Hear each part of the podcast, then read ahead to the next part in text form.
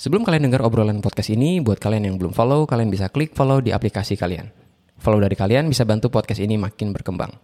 Dan kalau kalian juga mau kasih pertanyaan atau topik untuk dibahas di podcast ini, kalian bisa klik link yang ada di deskripsi podcast ini. Hari-hari ini kayaknya topik tentang investasi lagi rame-ramenya. Hampir setiap orang ingin agar uangnya berkembang. Nggak sedikit juga yang ternyata nggak dapat untung, tapi malah kena investasi bodong. Nah, sebenarnya investasi apa sih yang terbaik? Di episode podcast kali ini, kita akan ngobrol tentang investasi terbaik.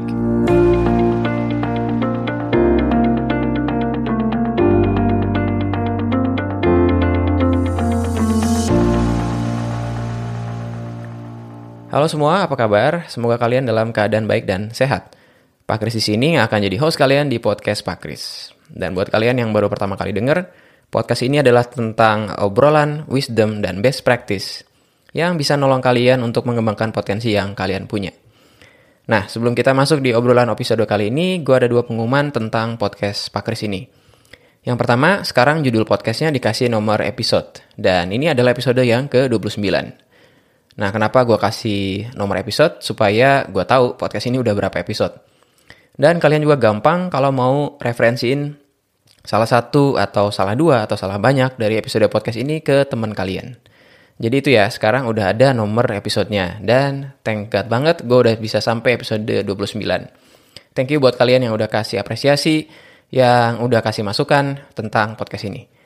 Itu pengumuman yang pertama ya. Pengumuman kedua tentang podcast ini, kalau kalian suka dengan konten dari podcast ini dan mau kasih dukungan secara finansial, boleh banget untuk traktir gua di link traktir ya. Uh, itu ada satu website yang tempat di mana para konten kreator mencari dukungan secara finansial dan gue udah bikin akun di situ ternyata sejak tahun lalu. Jadi gue putuskan untuk pakai akun itu untuk bisa dapetin dukungan finansial buat gue. Jadi kalian di situ kalau kalian klik di konten atau di link yang ada di deskripsi podcast ini, kalian bisa beliin gua mie ayam di situ ya. Nah, tinggal klik aja mau berapa mangkok mie ayam yang kalian mau traktir buat gua. Sehingga um, podcast Pak Kris ini bisa lanjut terus dan gue bisa makin bersemangat, bukan nggak semangat, makin bersemangat untuk bisa bikin konten podcast. Dan kalau kalian ada apresiasi, kalian ada masukan dan sebagainya, dukungan secara moral, kalian boleh DM gue di Instagram at Christian Fridina. So, gue akan sangat berterima kasih kalau kalian bisa support podcast ini. Dan semoga podcast ini bisa terus kasih episode secara rutin. Itu adalah resolusi gue tahun baru ini. Dan juga kasih kalian value untuk bisa punya wisdom, best practice. Untuk bisa ngembangin potensi yang kalian punya. Oke, okay, so um, di episode kali ini sesuai dengan janji di minggu lalu bahwa minggu ini akan, mulai gue akan bahas tentang investasi dan keuangan. Tapi begitu gue lihat kalender ternyata Maret itu jumlah minggunya ada 5 di hari Rabu. Jadi kayaknya nanggung kalau gue bahas tema baru tentang keuangan secara ya secara eksplisit ya.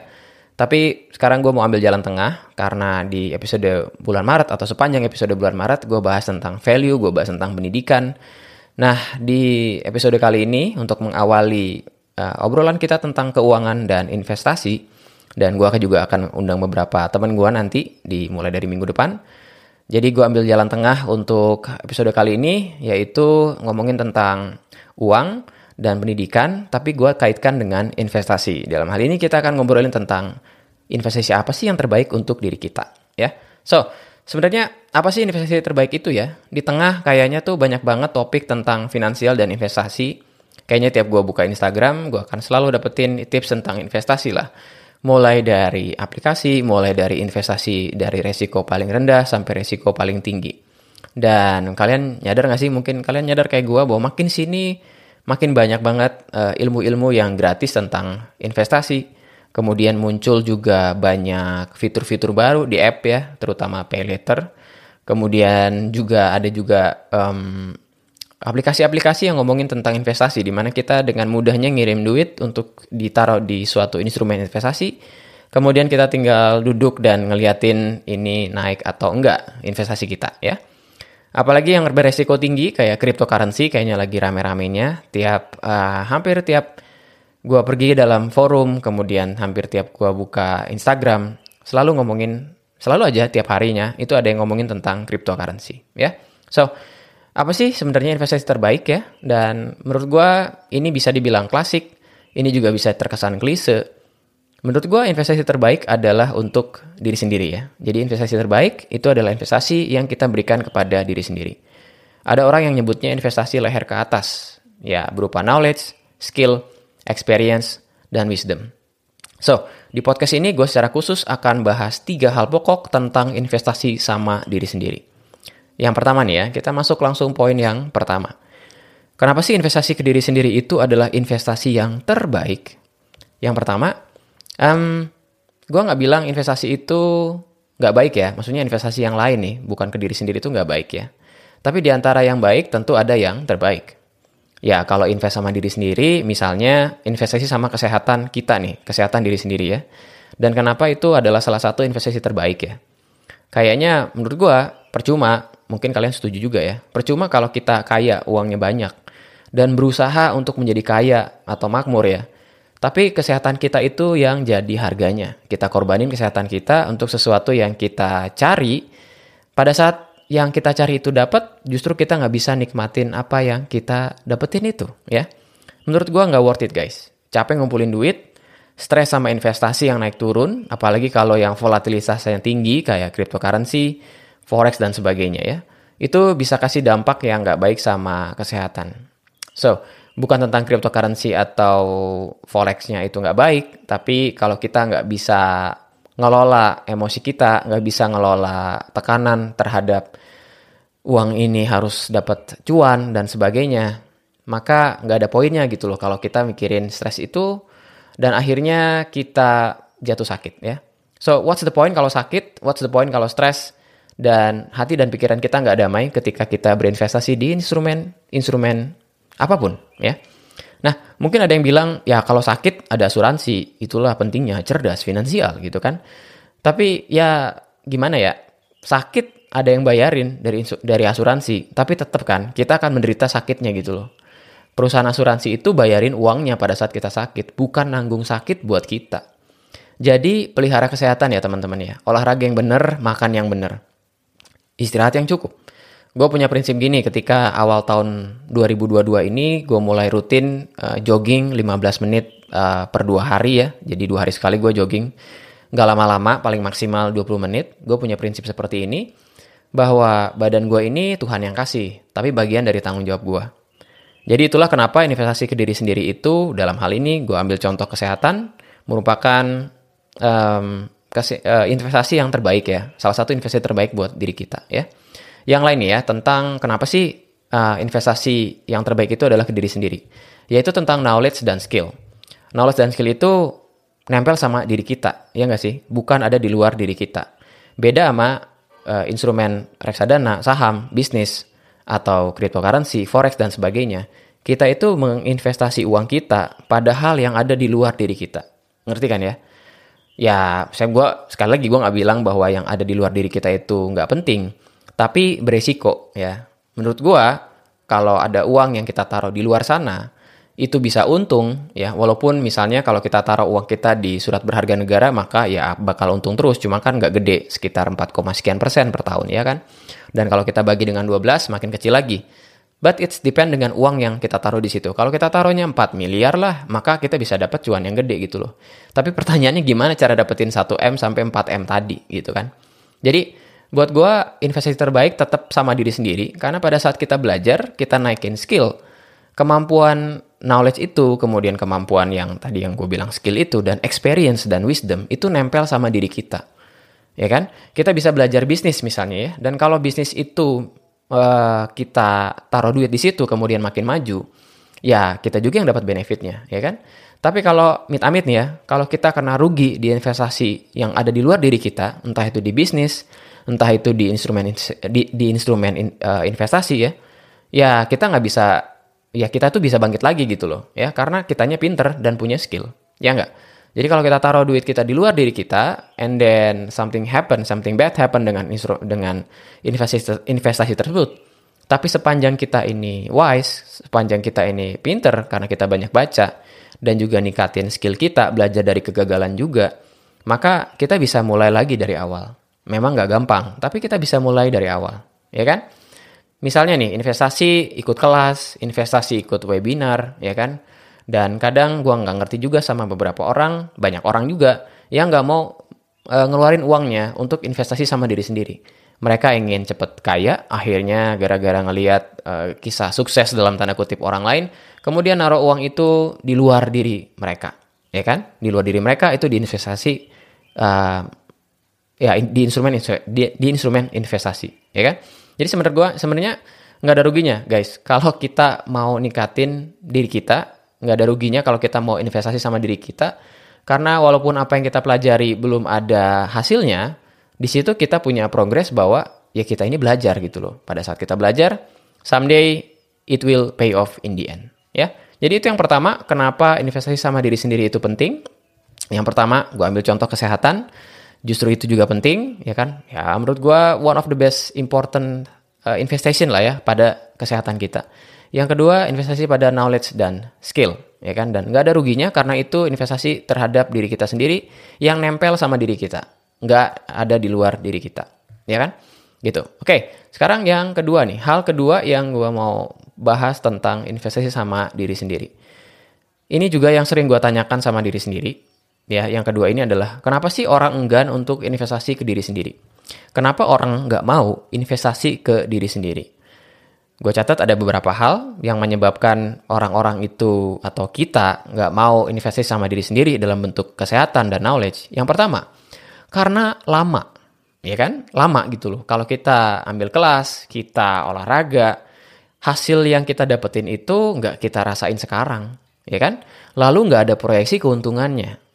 Betul apa tidak? Ya kan? Contoh nih, uh, kita ikut kelas, ikut webinar, kita punya kita dapetin knowledge, kita dapetin skill, kita dapetin experience atau kita dapetin wisdom dari kelas tersebut atau webinar tersebut, tapi kita nggak ada proyeksi keuntungannya. Beda dengan kita taruh di saham. Kalau kita taruh di saham, reksadana, cryptocurrency dan sebagainya, itu tuh ada proyeksi keuntungannya, ya kan? Dan kita bisa ngelihat progresnya gitu loh, ya kan? Nah itu bedanya. Itu yang membuat orang jadi enggan berinvestasi sama diri sendiri. Karena lama itu, Kemudian nggak ada proyeksi keuntungannya dan juga nggak kelihatan progresnya at the beginning, ya kan? Let's say ada satu webinar, ada satu kelas, ada satu buku yang kalian tahu kalau kalian beli itu, kalian keluarkan uang, kemudian kalian belajar, kalian tahu itu bakal kasih dampak positif sama diri kalian. But dampak positif tersebut belum bisa diuangkan, betul apa tidak? Ya kan?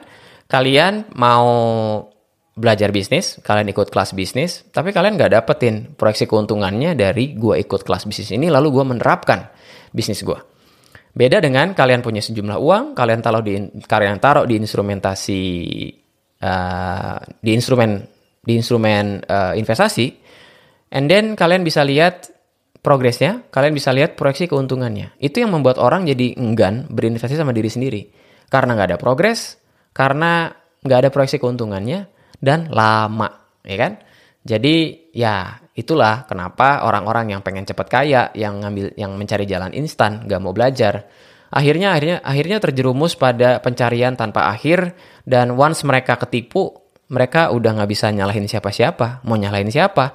Karena memang ya nggak mau investasi sama diri sendiri, malas baca, malas ikut kelas, malas ikut webinar, hanya pengen naruh uang di something lalu uang itu berkembang. It's a bit impossible teman-teman sekalian. Ya, itulah kenapa orang-orang gak mau invest sama diri sendiri karena lama. Oke, bagian terakhir dari podcast hari ini adalah gimana caranya investasi ke diri sendiri. Ini yang pamungkas banget karena gue suka hal-hal yang uh, praktis, pragmatis, dan juga bisa dilakukan. Podcast ini isinya adalah semua yang actionable. Teman-teman bisa berubah mindset, tapi mindset itu nggak nggak nggak jadi hal penting ya. Kalau kita bukan hal penting ya nggak jadi yang nggak bermanfaat buat kita kalau kita nggak tuangkan mindset itu nggak kita nggak realisasikan mindset itu dalam bentuk actionable steps atau hal-hal yang bisa kita lakukan secara praktis. Oke? Okay? so gimana caranya investasi ke diri sendiri di bagian tiga ini? Dan gue bagi menjadi tiga hal gimana caranya investasi ke diri sendiri? Oke? Okay? yang pertama sisihkan uang bulanan kalian income kalian untuk uang belajar Gue ulangi, sisihkan uang bulanan kalian, income kalian untuk belajar.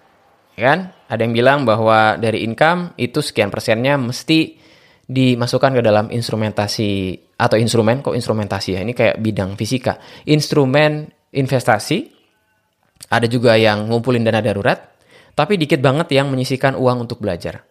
Ya. So, my rule of thumb kalau kalian bisa sisihkan 10% dari yang kalian dapat untuk belajar, untuk beli buku, untuk ikut webinar berbayar, untuk misalnya kalian subscribe YouTube Premium supaya kalau belajar dari YouTube itu nggak ada iklannya. It's, it's a good investment anyway. Karena ya lumayan loh, iklan itu bisa bikin konsentrasi kita buyar padahal kita lagi asik-asiknya belajar di YouTube. Anything that can make uh, your best investment itu menjadi hal yang realita pada saat kita ngeluarin duit, pada saat kita menyisikan uang bulanan untuk belajar. Contohnya gue, gue punya sedikit anggaran untuk gue pakai untuk belajar, either itu eh, untuk beli buku atau gue pakai buat subscription, subscription ke beberapa uh, surat kabar ya, kayak gue baru aja mau subscribe ke New Yorker, gue mau subscribe ke Harvard Business Review karena artikelnya bagus-bagus dan gue orangnya suka baca juga dan buat kalian yang nggak suka baca mungkin kalian mesti mau untuk baca sedikit karena ya orang tua kita bilang, guru kita bilang bahwa baca itu adalah jendela dunia atau buku itu adalah jendela dunia. Sekarang Google adalah jendela dunia. But sisihkan uang bulanan kalian untuk belajar. Jangan cuma sisihin buat investasi yang ada di luar sana. Itu baik, but sekali lagi gue berargumen di sini bahwa investasi yang terbaik adalah pada diri sendiri. Itu yang pertama, sisihkan uang bulanan untuk belajar. Yang kedua, jangan mental gratisan. Ini yang paling gua apa ya? mungkin heran dari beberapa orang ya. Uh, jangan punya mental gratisan, pengen potongan harga dari buku, pengen potongan harga dari webinar, pengen potongan harga dari kelas gitu kan. Belajarlah dari orang ya, ini juga sama, belajar dari orang dan jangan mental gratisan. Kalau kalian mau approach seseorang buat ngobrol sama dia, dapetin ilmunya, minimal lu traktir lah. Minimal lu traktir, lu ajak dia ke restoran, and then lu bisa ngobrol sambil dia makan, lu menimba ilmu dari dia, and then pada saat dia mau bayar, nggak nggak apa-apa, ini gue aja yang bayar. Gue cuma mau ilmu dari lu, dan the least I can do adalah traktir lu makan. Oke, okay? gue bukan minta traktiran di podcast ini, but if you can give me, it's uh, I will uh, I will be very grateful. But anyway, kok jadi nyamuk ke situ? Anyway, jangan mental gratisan teman-teman ya, jangan mental gratisan, please jangan mental gratisan ya. Kalian juga tentu nggak mau kan diskon Maksudnya kalian tuh nggak mau bahwa investasi sama diri sendiri juga kena diskon gitu loh. Jadi jangan perlakukan itu kepada orang lain juga. Ya, nangkep ya. Kalau kitanya sendiri nggak mau didiskon untuk hal ilmu, maka kita juga jangan minta diskonan, kita jangan mental gratisan sama orang lain. Kalau kalian pengen beli buku, nggak usah minjem, ada duitnya, belilah, nggak usah minjem. Ya kan? Buku itu akan jadi bagian dari hidup kalian dan kalian bisa baca gitu loh. Ya. Kalau kalian ada webinar harganya kok kayaknya gede banget, gua kayaknya bisa belajar dari YouTube yang gratisan. Ya, itu bisa jadi satu pilihan, tapi di webinar itu kan kalian bisa nanya sama orang yang jadi narasumbernya, kalian bisa nanya jadi yang kepada orang yang jadi fasilitatornya gitu loh. Manfaatkanlah momen itu. Dan rela buat keluarin uang. Jangan mental gratisan untuk berinvestasi pada diri sendiri. Oke, itu ya. Dan yang terakhir, mau sabar. Investasi sama diri sendiri itu harus mau sabar. Kalian keluarin duit untuk webinar, kalian keluarin duit buat kelas, kalian keluarin duit buat buku, itu returnnya nanti, nggak bakal sekarang dan nggak tahu juga kita bakal uh, punya untung yang yang gede banget ya kan dari investasi kita sama diri sendiri atau malah rugi ya kita nggak tahu. But anyway harus mau sabar ya. Karena uh, seperti tadi yang gue bilang bahwa berinvestasi sama diri sendiri itu tidak langsung kita dapetin progresnya. Kita nggak langsung tahu proyeksinya tapi kita harus mau sabar Sabar ketika kita beli buku, sabar ketika kita ikut kelas, ngeluarin duit buat kelas, sabar ketika kita ingin ngeluarin duit untuk webinar, dan biarkan ilmu itu uh, mengendap sama diri kita, kemudian kita berani untuk membuat aksi dari ilmu tersebut, kita bikin suatu karya, kita bikin suatu bisnis, lalu kita belajar dari situ. Kalian harus mau sabar. Oke? Okay? Oke, okay, so itu konten uh, podcast untuk uh, minggu terakhir di bulan Maret ini yang gue kombinasikan antara value, antara uang, pendidikan, dan juga investasi. Dan mulai minggu depan kita akan ngobrolin secara konkret tentang keuangan, investasi, dan segala hal yang berhubungan dengan perduitan ini. Oke, okay? so take care guys, thank you banget buat semua dukungan kalian dan see you next week. Kalau kalian dapat value atau manfaat dari podcast ini dan ingin say thank you, kalian bisa support podcast ini dengan mentraktir Pak Kris dengan klik link yang ada di deskripsi podcast ini. Traktiran kalian akan sangat berarti untuk podcast ini tetap running dan bantu orang-orang untuk stay productive. I'll see you guys later dan stay productive.